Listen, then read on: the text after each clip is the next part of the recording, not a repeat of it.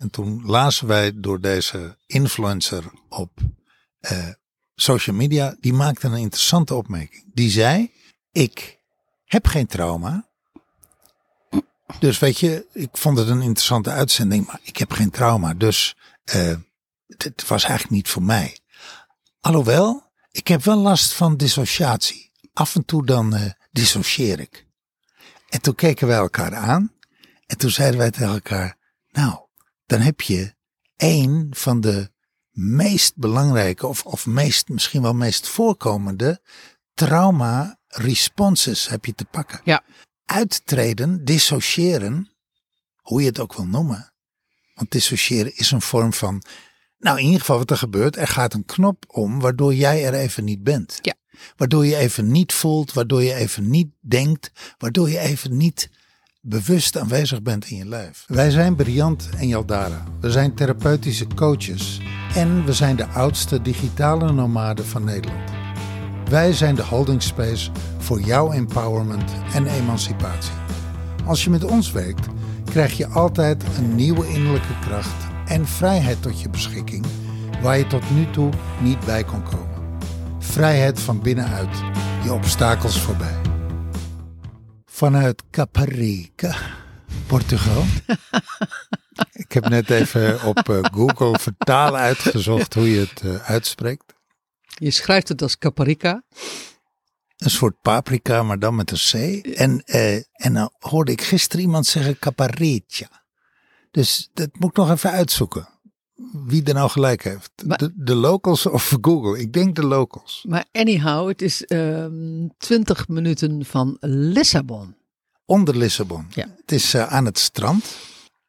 En we zitten op een uh, zonovergoten dakterras. Mensen, sorry, in Nederland, waar het uh, koud is, denk ik. En we zitten volgens mij ook op een uh, lijn waar um, uh, in de lucht, laat ik zo zeggen, hoe zeg je dat? Um, uh, op een route waar vliegtuigen um, langskomen. En die, die zou je waarschijnlijk ook in deze podcast wel gaan horen. Maar ja, dan weet je, het is niet anders. Net zoals dat er een weg is, een drukke weg is hierachter.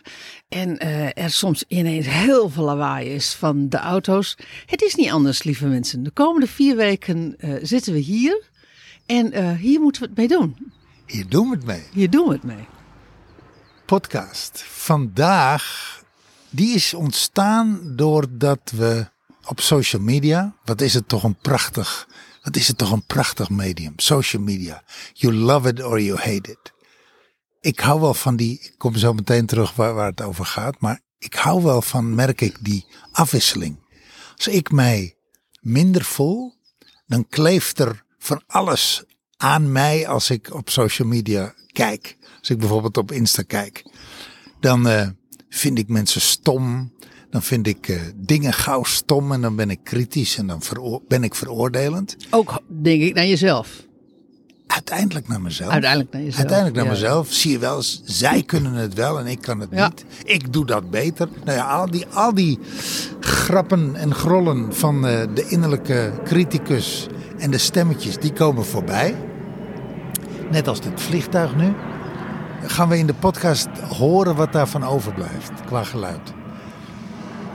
En als ik me geweldig voel, dan word ik geïnspireerd. Dan pik ik net die posts op waarvan ik denk: oh, wat leuk, wat geweldig, wat een goed idee. En als ik dat vertaal naar mijn eigen leven, dan kan ik dat zo en zo doen. En uh, ik moet je zeggen, ik vind dat tweede fijner. Als ik geïnspireerd word door social media. In plaats van dat het valt op uh, het zuigen wat dan toch al plaatsvindt in mij. Ja, maar goed, uiteindelijk gaat het over jou. Gaat het, helemaal, gaat- niet over, gaat helemaal niet over social media. Het gaat altijd over mij. Het gaat altijd over mijzelf. Maar goed, toen, D- Dus mensen, dan weet je dat. Social media gaat over jezelf. Nou, kwamen wij zo dus laatst een reactie tegen van iemand die, een influencer op, op social media. laten we geen namen noemen. Nee, we gaan geen namen noemen, Nee. hoeft helemaal niet. Die zei iets opmerkelijks en die zei iets heel interessants. En daar willen we het vandaag over hebben. Zij had gekeken naar zomergasten en daar was eh, de, Bessel van Kolk. de Bessel van Kolk. Vanuit, van het boek Traumasporen. professor, psychiater. woont in Amerika, werkt ook in Amerika. Is een Nederlander. is een Nederlander.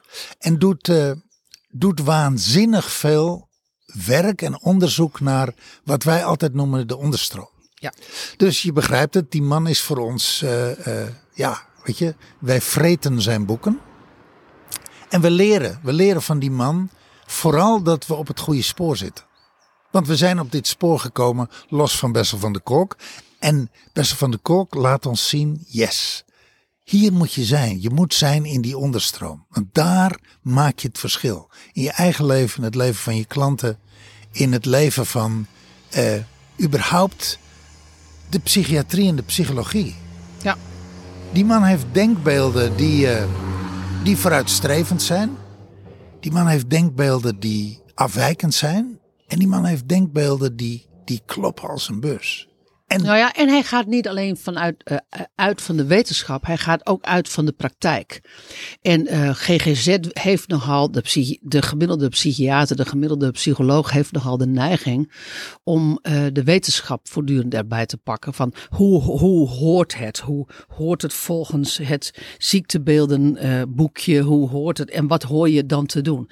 Terwijl hij natuurlijk ook heel erg kijkt naar, ehm, naar gewoon het leven wat, wat, ehm, wat goed is voor, voor traumabehandeling. En hij combineert zijn, zijn eh, professionele achtergrond met zijn, met zijn eigen, ehm, ja, met wat, datgene wat hij in het leven meemaakt. En wat hij dus letterlijk ziet bij zijn, bij zijn patiënten, cliënten, hoe je het ook maar wil noemen, eh, wat gewoon goed werkt.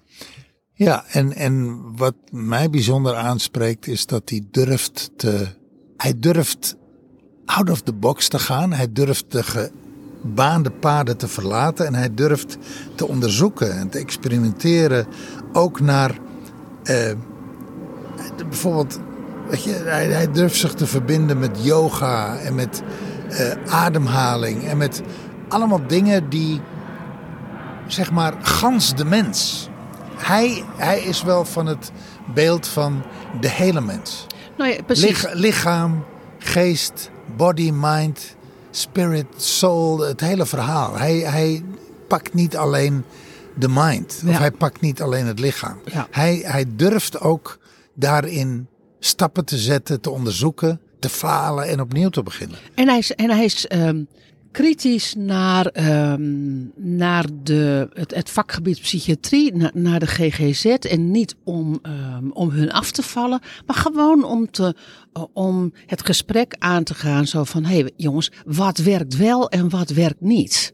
En het mooie is dus, Amerika geeft hem de ruimte om, om dat belangrijke onderzoek te doen. Waar die daarvoor in Nederland totaal geen ruimte zou krijgen. Maar goed, hij heeft het binnen zo- zomergasten heeft hij het wel gekregen. Dus, ehm, en, en dat is een uitzending, die kan je gewoon terugkijken. En naar aanleiding daarvan, hij heeft het bijvoorbeeld over trauma. Hè? Dat, is, dat is echt wel zijn ding. Trauma en trauma-echo's. En toen lazen wij door deze influencer op eh, social media. Die maakte een interessante opmerking. Die zei, ik heb geen trauma. Dus weet je, ik vond het een interessante uitzending. Maar ik heb geen trauma. Dus eh, het, was eigenlijk niet voor mij. Alhoewel, ik heb wel last van dissociatie. Af en toe dan eh, dissocieer ik. En toen keken wij elkaar aan. En toen zeiden wij tegen elkaar, nou, dan heb je één van de meest belangrijke of, of meest, misschien wel meest voorkomende trauma responses heb je te pakken. Ja. Uittreden, dissociëren, hoe je het ook wil noemen. Want dissociëren is een vorm van, nou in ieder geval wat er gebeurt, er gaat een knop om waardoor jij er even niet bent. Ja. Waardoor je even niet voelt, waardoor je even niet denkt, waardoor je even niet bewust aanwezig bent in je lijf. Nou gebeurt dat wel vaker, dat je niet bewust aanwezig bent in je lijf. Maar bij dissociatie ben je gewoon letterlijk even weg uit de realiteit. Ik heb even ehm, eh, Google erbij gepakt.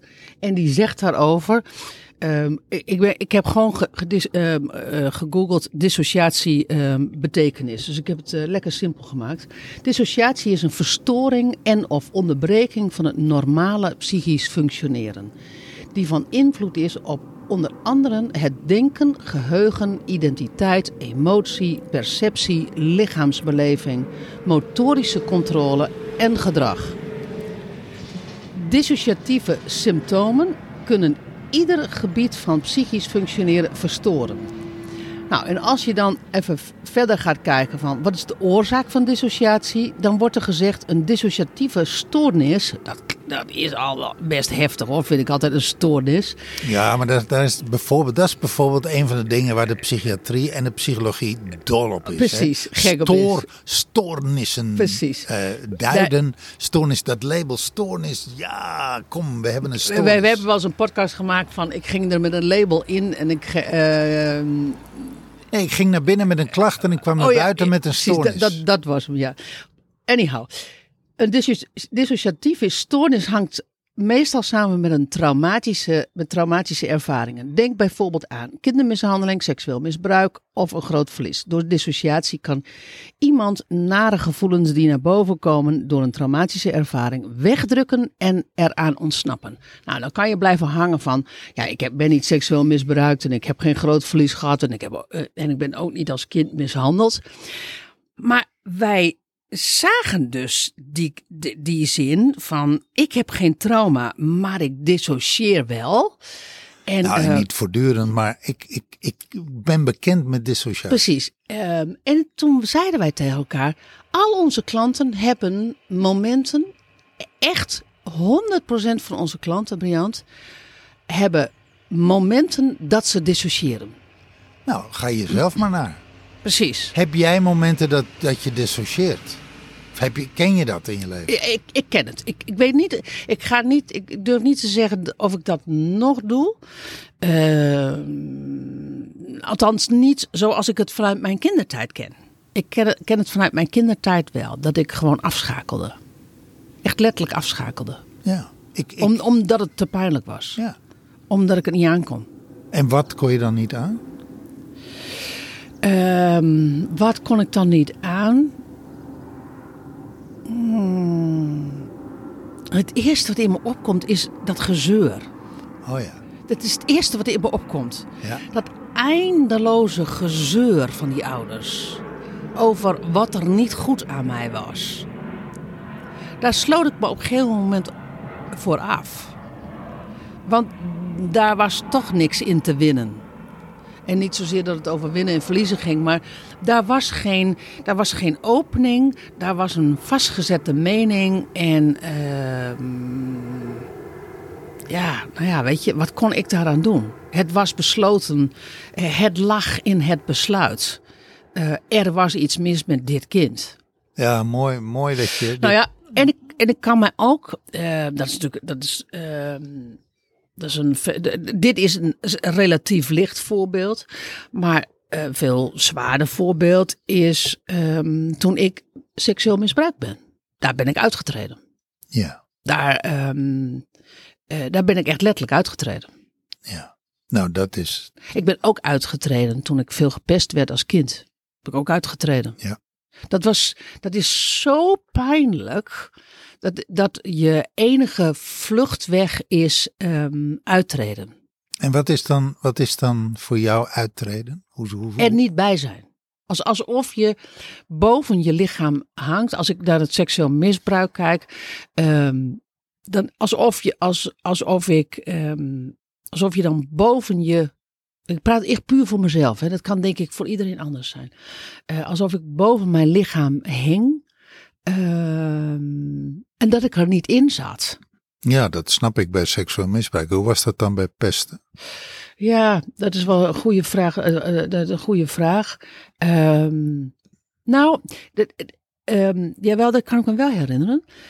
Dat kan ik me zelfs van later nog herinneren. En ik vraag me af of het nog zo is.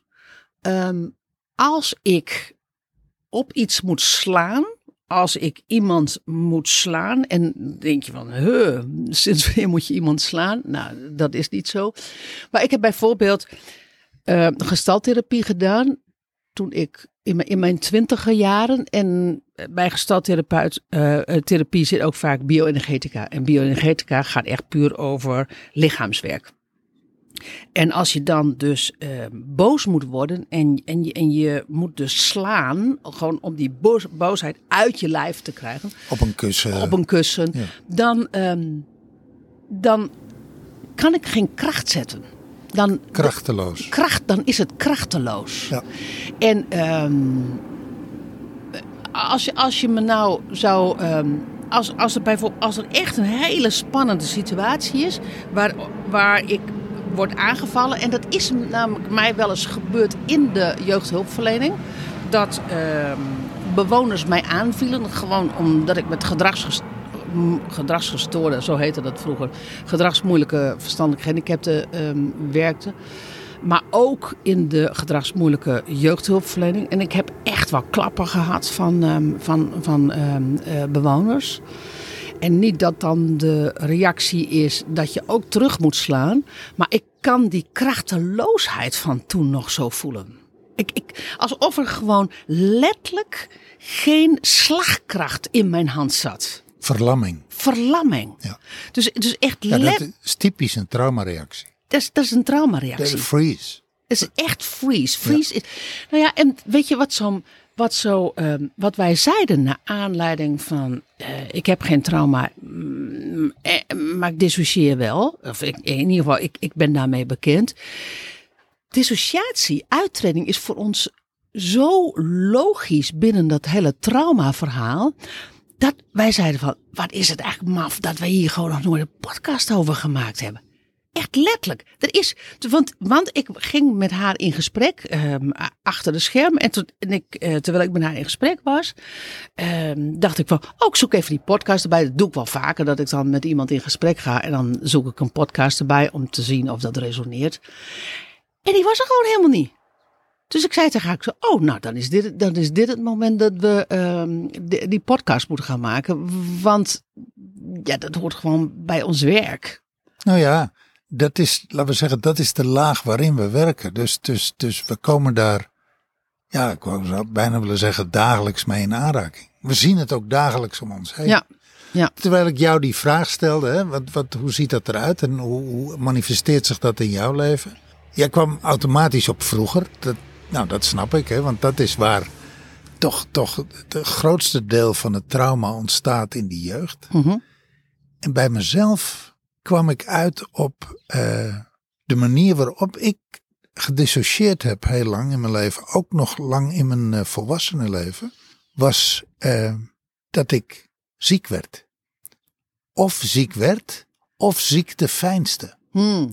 Om, omdat het leven te groot was, omdat dat Hmm. wat voor mij lag, een Hmm. ontmoeting of een meeting of een nieuw schooljaar of een uh, nieuw werk of een reunie. Mhm. Hè? Dan was ik altijd ziek. Hmm.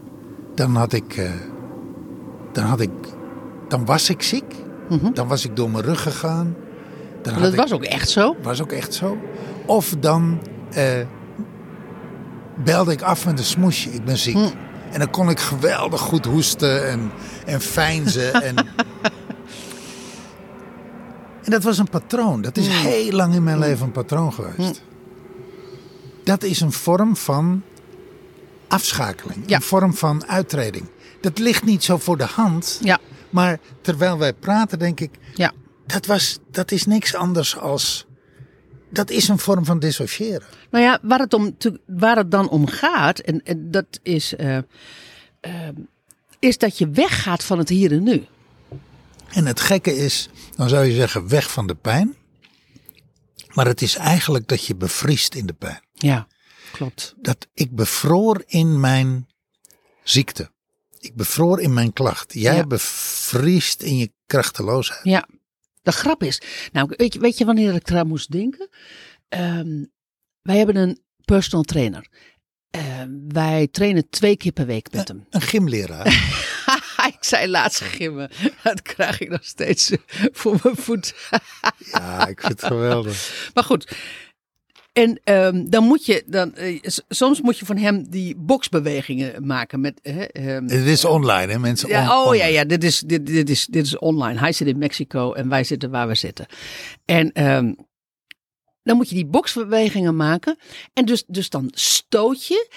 En toen voelde ik voor het eerst, ik denk dat dat één of twee weken geleden was. Toen dacht ik van, wauw, ik kan, ik kan doorstoten. En, ik, en, en, ik, en, en ik kan die kracht kan ik voelen.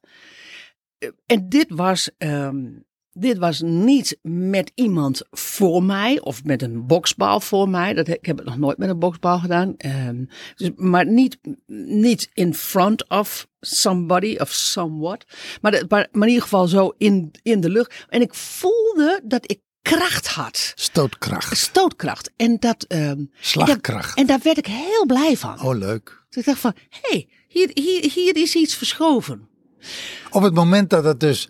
nou, Dat is wel interessant, hè? Daar heb je eigenlijk al een heel belangrijk punt. Dus wanneer, wanneer dreunt die trauma-echo door?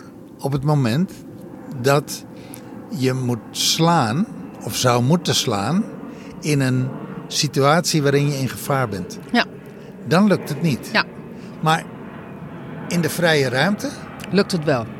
op het moment dat jij dat dat, dat niet geassocieerd is met gevaar, niet geassocieerd is met verdedigen, dan kan je het dus wel. Ja. Dan is het er wel. Dat Ja. laat al zien, Ja. dat laat al zien dat er dus dat er iets is. Ja, Wat klopt. maakt nou dat jij krachteloos bent op het moment dat het er zogenaamd op aankomt?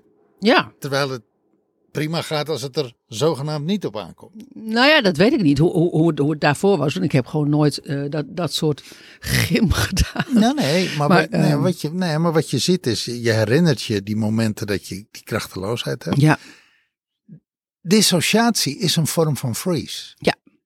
Ja. En freeze, dat is iets waar wij heel veel mee te maken hebben. heel veel.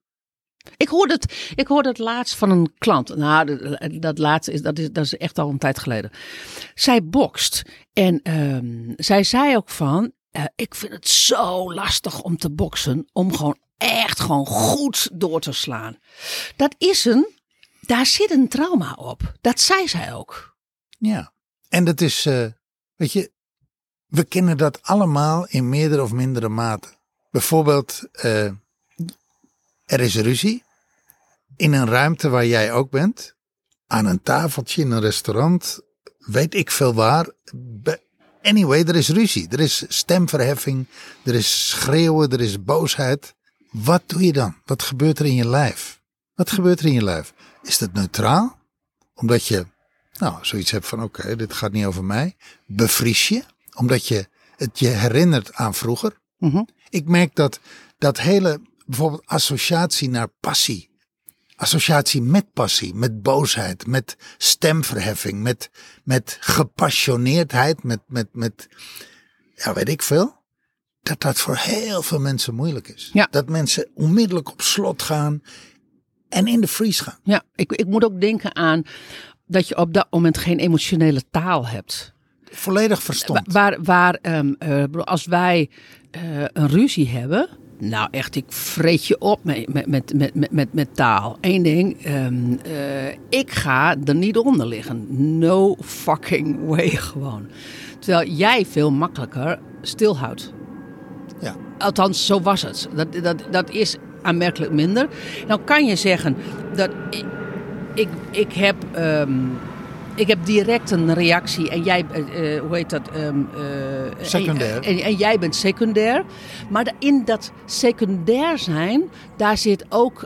Freeze. Daar zit freeze. Freeze, En, ja. ehm, en tuurlijk mag je secundair zijn en tuurlijk mag je er de volgende dag op terugkomen. Daar hoor je me allemaal niet over. Maar op dat moment zit de freeze. Heb je geen taal.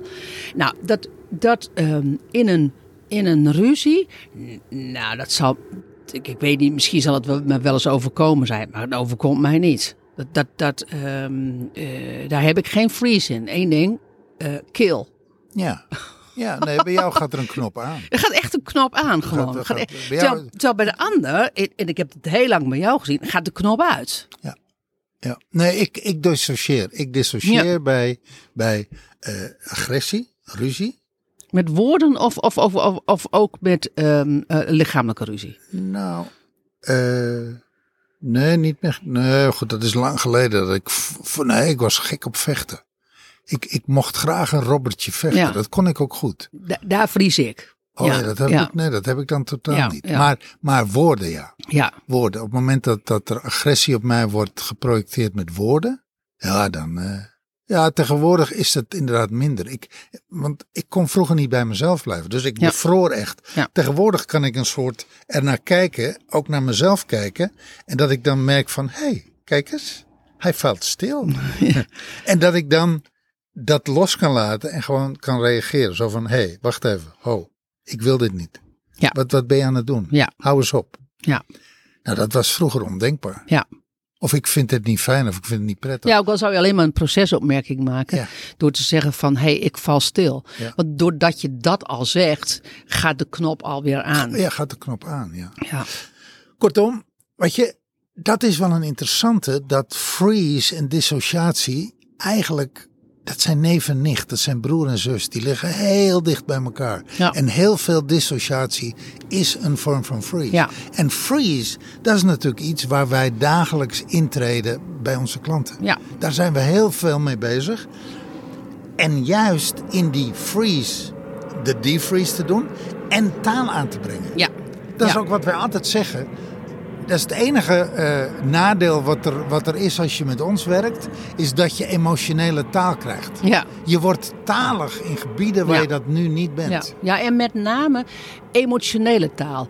We hadden, we hadden maandag eh, eh, nog een sessie met iemand die, nou, die heeft echt een hele grote woordenschat, maar geen grote emotionele woordenschat. Niet in de gebieden waar freeze is. Ja, ja, En, en bij sommige mensen is dat heel sterk. En dat valt natuurlijk op, hè?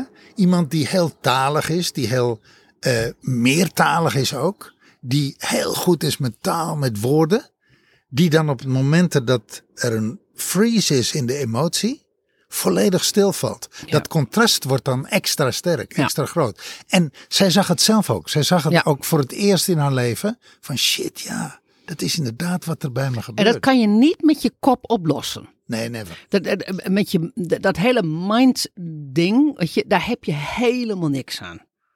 Weet je, je moet, je moet van eh, binnen die, de, binnen die gebieden waarin je uittreedt, dissocieert, moet je Freeze. eh, van eh fr- freeze, moet je naar defrost. Je moet eh, daarin ontdooien. Daar, daarvoor, daarvoor kom je in je angst, daarvoor kom je in je pijn. Weet je, dat is dat in dat, in dat eh, het moet vloeibaar worden. En vanuit dat, op het moment dat het vloeibaar wordt, om dan vervolgens daar, ehm, daar je gevoelens in, in, ehm, in aangang, in dat je die aankijkt, maar dat je die ook woorden gaat geven. Rauwe woorden. Nou ja, toelaat. Toelaat. Je, want wat je namelijk doet is, kijk, op het moment dat jij dissocieert of dat het freest in jou, dan gaat het letterlijk op slot. Het balt samen. Ja. Het, het, het wordt, een, het wordt een, een, een bal.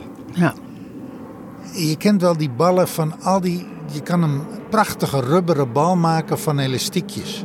Door eindeloos elastiekjes, maar in de vorm van een bal over elkaar heen te, te, wat keihard.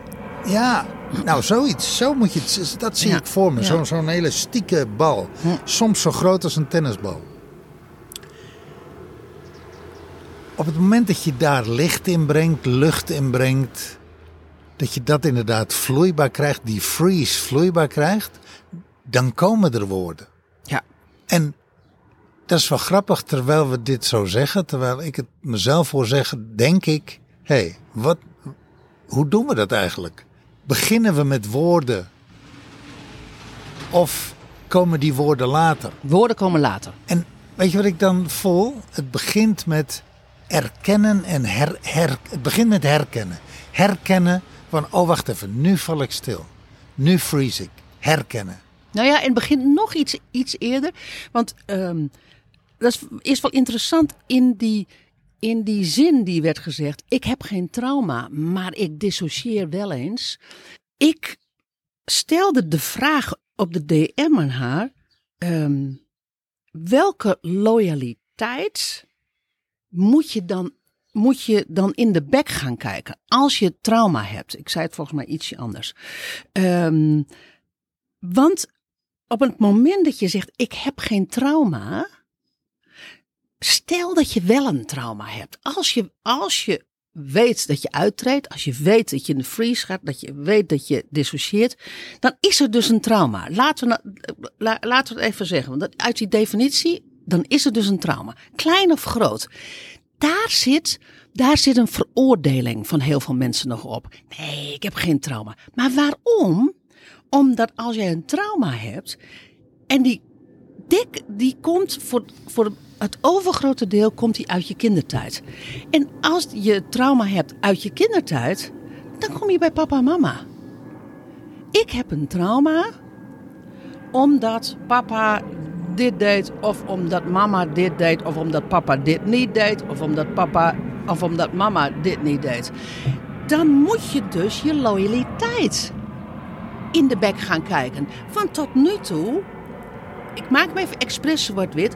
Was je altijd nog zo loyaal naar papa en mama of papa of mama?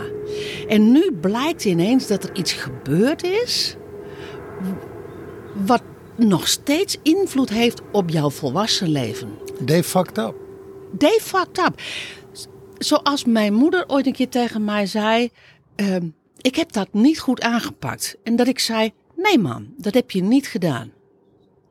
Ik was loyaal naar mijn waarheid. En ik was niet op dat moment loyaal naar, naar haar toe door haar te sussen. Zo van, ah, het valt best mee. Ik kan er best mee dealen. Nee, she fucked up. Dat wil niet zeggen dat je dan forever boos bent op je moeder of forever boos bent op je vader en dat je ze niet meer wil zien en dat je ze afscheid van moet nemen. Dat is allemaal niet waar het over gaat. We hebben als kind allemaal wel iets meegemaakt. En dus stelde ik haar de vraag: welke nu weet ik het alweer. Welke loyaliteitscrisis kom je dan in als jij je trauma onder ogen gaat zien? Daar waar jij gedissocieerd hebt, daar waar jij uitgetreden bent, daar waar jij in de vries schoot. Ja, dat is een mooie vraag. Jij zegt loyaliteitscrisis.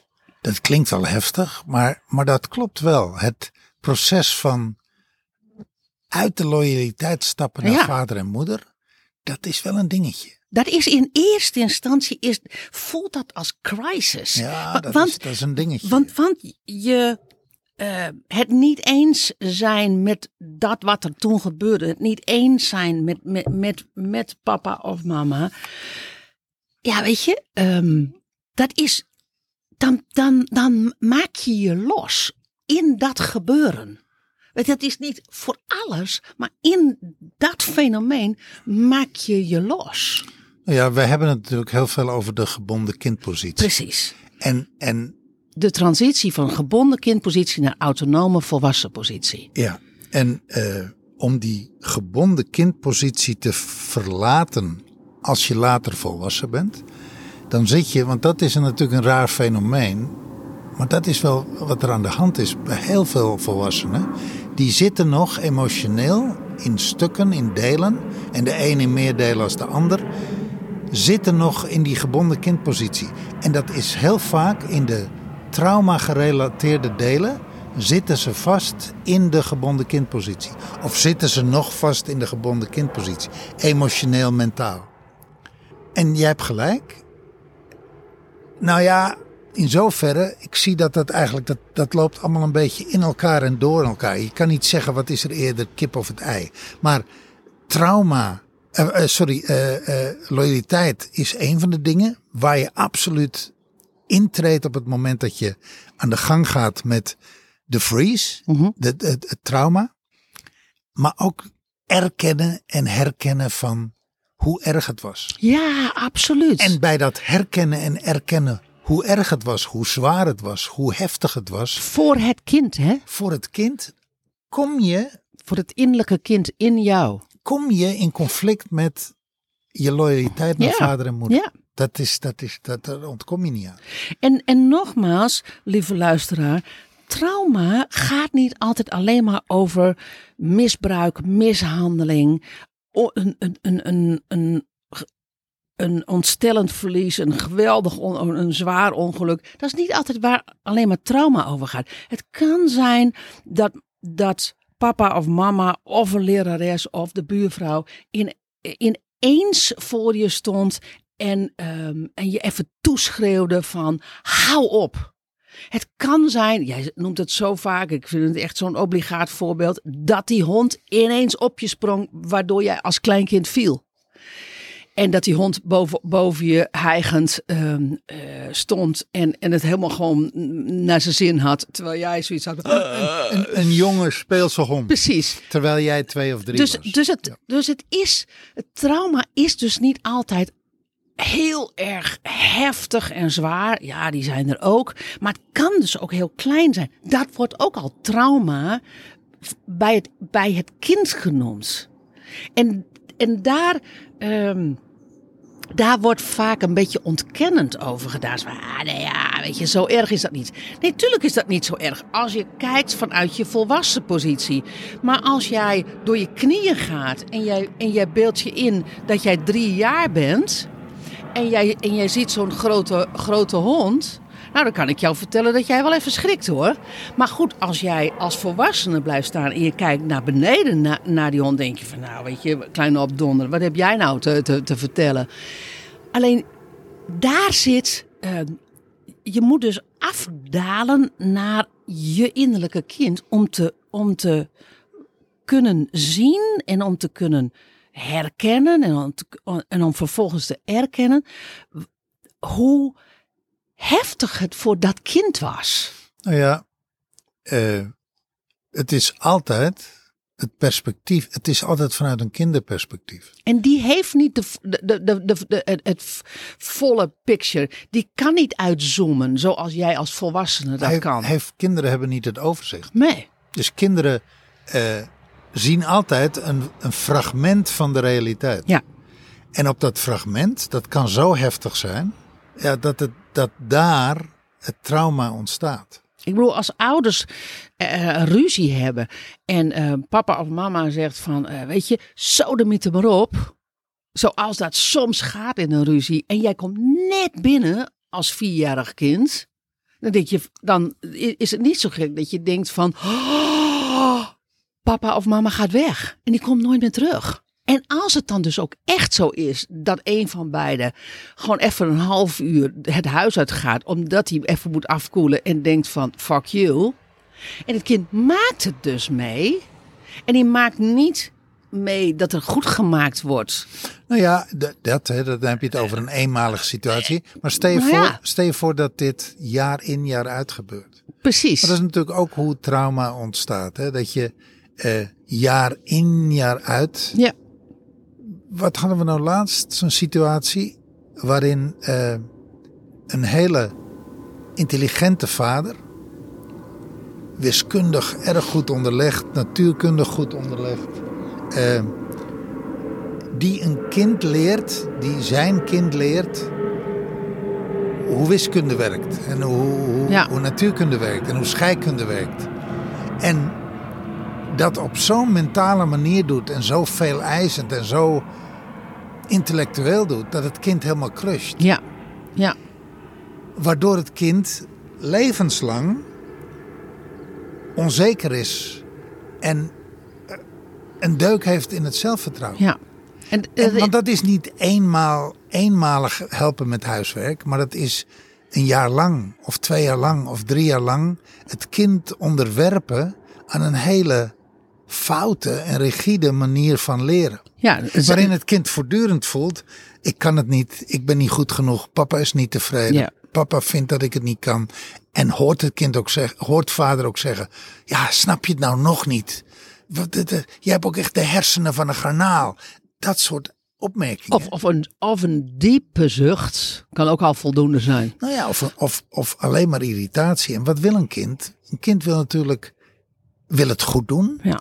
Maar wil ook dat papa of mama tevreden is, blij is, gelukkig is. Ja.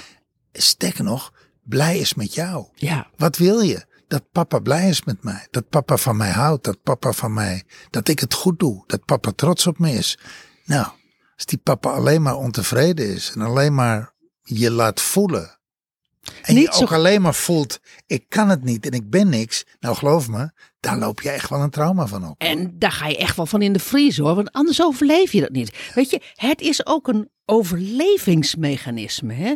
dissociatie. Alleen maar. Het- omdat je het anders. Je hebt nu inmiddels zoveel voorbeelden in deze podcast al gehoord. Je overleeft het. Je overleeft het anders niet. Dus het is als kind. Is het eigenlijk een heel functioneel patroon. Ja, de pest is alleen Eh, ja, dat je, weet je, dat, eh, ja, om als kind te overleven is het functioneel. Nou, dat kun je afvragen, maar dat is wel hoe wij, hoe kwetsbaar wij mensen eigenlijk zijn. Maar goed, dit is, dit is hoe wij het doen. Dit is hoe wij mensen gewired zijn. maar als een volwassene overleef je dus nog steeds. Nou in ja. plaats van dat je naar prettig leven gaat. Er is nergens, er is nergens een leeftijd. Weet je, op je achttiende haal je je rijbewijs, maar het is niet op je 21ste dat je even naar de deprogramming eh, eh, eh, retreat gaat. Waar even al die ingepushte programma's even gedeprogrammed worden. Al die buttons die allemaal op aanstaan, dat ze allemaal even gewoon ingedrukt worden. Zo van uit. Ja, dat de ponskaart even hernieuwd Ja, wordt. ja. Naar, naar, nou, niet, niet blanco, maar hernieuwd. Ja, ja. Nou ja, dat, dat gebeurt natuurlijk wel. Dat gebeurt op het moment dat je sluit, besluit van... oké, ik ga in therapie. ja. Ik ga eh, in coaching. Ik Ja. ga in training. Ik Ja. ga hier wat aan doen. Ja, mits je, mits je echt wel in die onderstroom werkt hoor. Als jij zegt van ehm, ik, ik ga in coaching en je doet een. eh, eh, je- en ik ken, genoeg coachingsprogramma's, weet je, ik ga ze niet noemen, waarvan eh, die, die, vrij mindgericht zijn. Nou, je Nou, redt- daar, daar je- ga je het niet mee redden. En je redt het ook niet met meditatie en met mindfulness. Nee. En met yoga. Nee. Natuurlijk. Weet je, dat ik, ik hoef echt mindfulness niet af te kammen. En ik hoef ook yoga niet af te kammen. En ik hoef meditatie. Sterker nog, we doen het zelf. Maar daarmee deprogrammeer je jezelf niet. Ja. Daarmee, daarmee druk je niet de knoppen uit die al een leven lang ingedrukt zijn. Ja, het, is heel simpel. Tra- dit soort trauma's, dat, eh, dat zit eh, vast in je lichaam. Dat, dat noemen wij geladen fysiologie. En dat moet je ontladen. Dat moet je ontmantelen. Tot op celniveau. En weet je wat het is? Het gaat geen eens over de trauma's. Het gaat, het gaat eigenlijk over eh, hoe trauma zich manifesteert in je lijf. Ja. Hoe dat wordt opgeslagen in je lijf. En hoe, zeg maar, op het moment dat het is opgeslagen in je lijf, triggert dat een leven lang. Ja. Op, in, op een moment, in een situatie, wordt dat trauma getriggerd. En dat wordt altijd getriggerd op een, op een manier waarvan je in eerste instantie helemaal niet weet waar, waar dat een relatie mee heeft. Dat je, en dat je denkt van, huh, waar komt dit nou vandaan? En, eh, en als je eh, denkt van nou, die heeft eh, een rechtstreekse verbinding, eh, eh, echt he- heel plat rechtstreeks na- naar dat trauma. En dus weet ik waar ik moet zijn. Heel vaak ziet het er anders uit. Het, het, is, het is net als water. Als jij waterschade hebt en je, hebt, eh, en je, en, en je, je volgt dus die, die, die eh, straaltjes water. En je denkt van, oh, dat, dan is daar boven in het dak, eh, daar is waterschade. Waterschade is altijd ergens anders. Ja, dat zeg je mooi. Dat is, dat, ja, dat is een goede. Dat is, dat is echt, je moet altijd op een andere plek zijn. Dat is echt het meest vreselijke van, van waterschade. Ja. En dat is, dat is eigenlijk bij triggers en op zoek gaan naar de wortel van het trauma. Want daar moet je zijn eh, als je het wil ontmantelen. Dat is er altijd ergens anders. Nou, het gekke is, en soms eh, hoef je helemaal niet naar de wortel van het trauma, maar ga je aan de gang met de symptomen, met de lichaamssymptomen. Ja, maar dan moet je wel met de lichaamssymptomen aan de slag gaan. Ja. ja. En, en kom je via de lichaamssymptomen, kom je bij eigenlijk de ontlading van het, van het oorspronkelijke trauma. Ja, klopt. Dus je kunt er op een aantal manieren mee omgaan en je kunt er op een aantal manieren eh, op uitkomen. Maar anyway, het resultaat is, is dat die elastieke bal waar ik het over had, dat die langzaam maar zeker smelt. Ja. Dat dat vloeibaar wordt. En dat de lading, letterlijk de traumatische lading van de herinnering afgaat. En daardoor ook loslaat in je lijf. Ja, klopt. En dan komt de vrijheid. Dan komt de autonomie. Dan komt er, en dan komt er autonomie. Want dan kun je die bewuste stap maken. Hé, hey, ik verlaat nu mijn gebonden kindpositie. En ik stap in mijn autonome volwassene positie. Nou, als je nou, als je dit interessant vindt en je wil weten hoe dit werkt, dan moet je met ons werken. Ja, absoluut. Dan uh, nodigen we je van harte uit. Ondernemers, dat is wel een uh, restrictie. Wij werken met ondernemers. Mannen en vrouwen. Ja, we hebben heel lang niet met mannen gewerkt. En sinds een maand of twee hebben we gezegd: Weet je, de mannen die dit willen, zijn van harte welkom. Ja, absoluut. We zien dat vrouwen dit eerder doen en makkelijker doen. En toch zijn er ook mannen die dit willen. Ja, en we, bovendien, we hebben natuurlijk ook al wel met mannen gewerkt. Dus, Ja. dus dat is niet zo dat dat eh, helemaal vreemd is. Maar eh, je bent van harte welkom. Ben je ondernemer en wil je met ons werken? Mail ons of DM ons op Insta. Laten we in gesprek gaan en samen onderzoeken wat de mogelijkheden voor je zijn.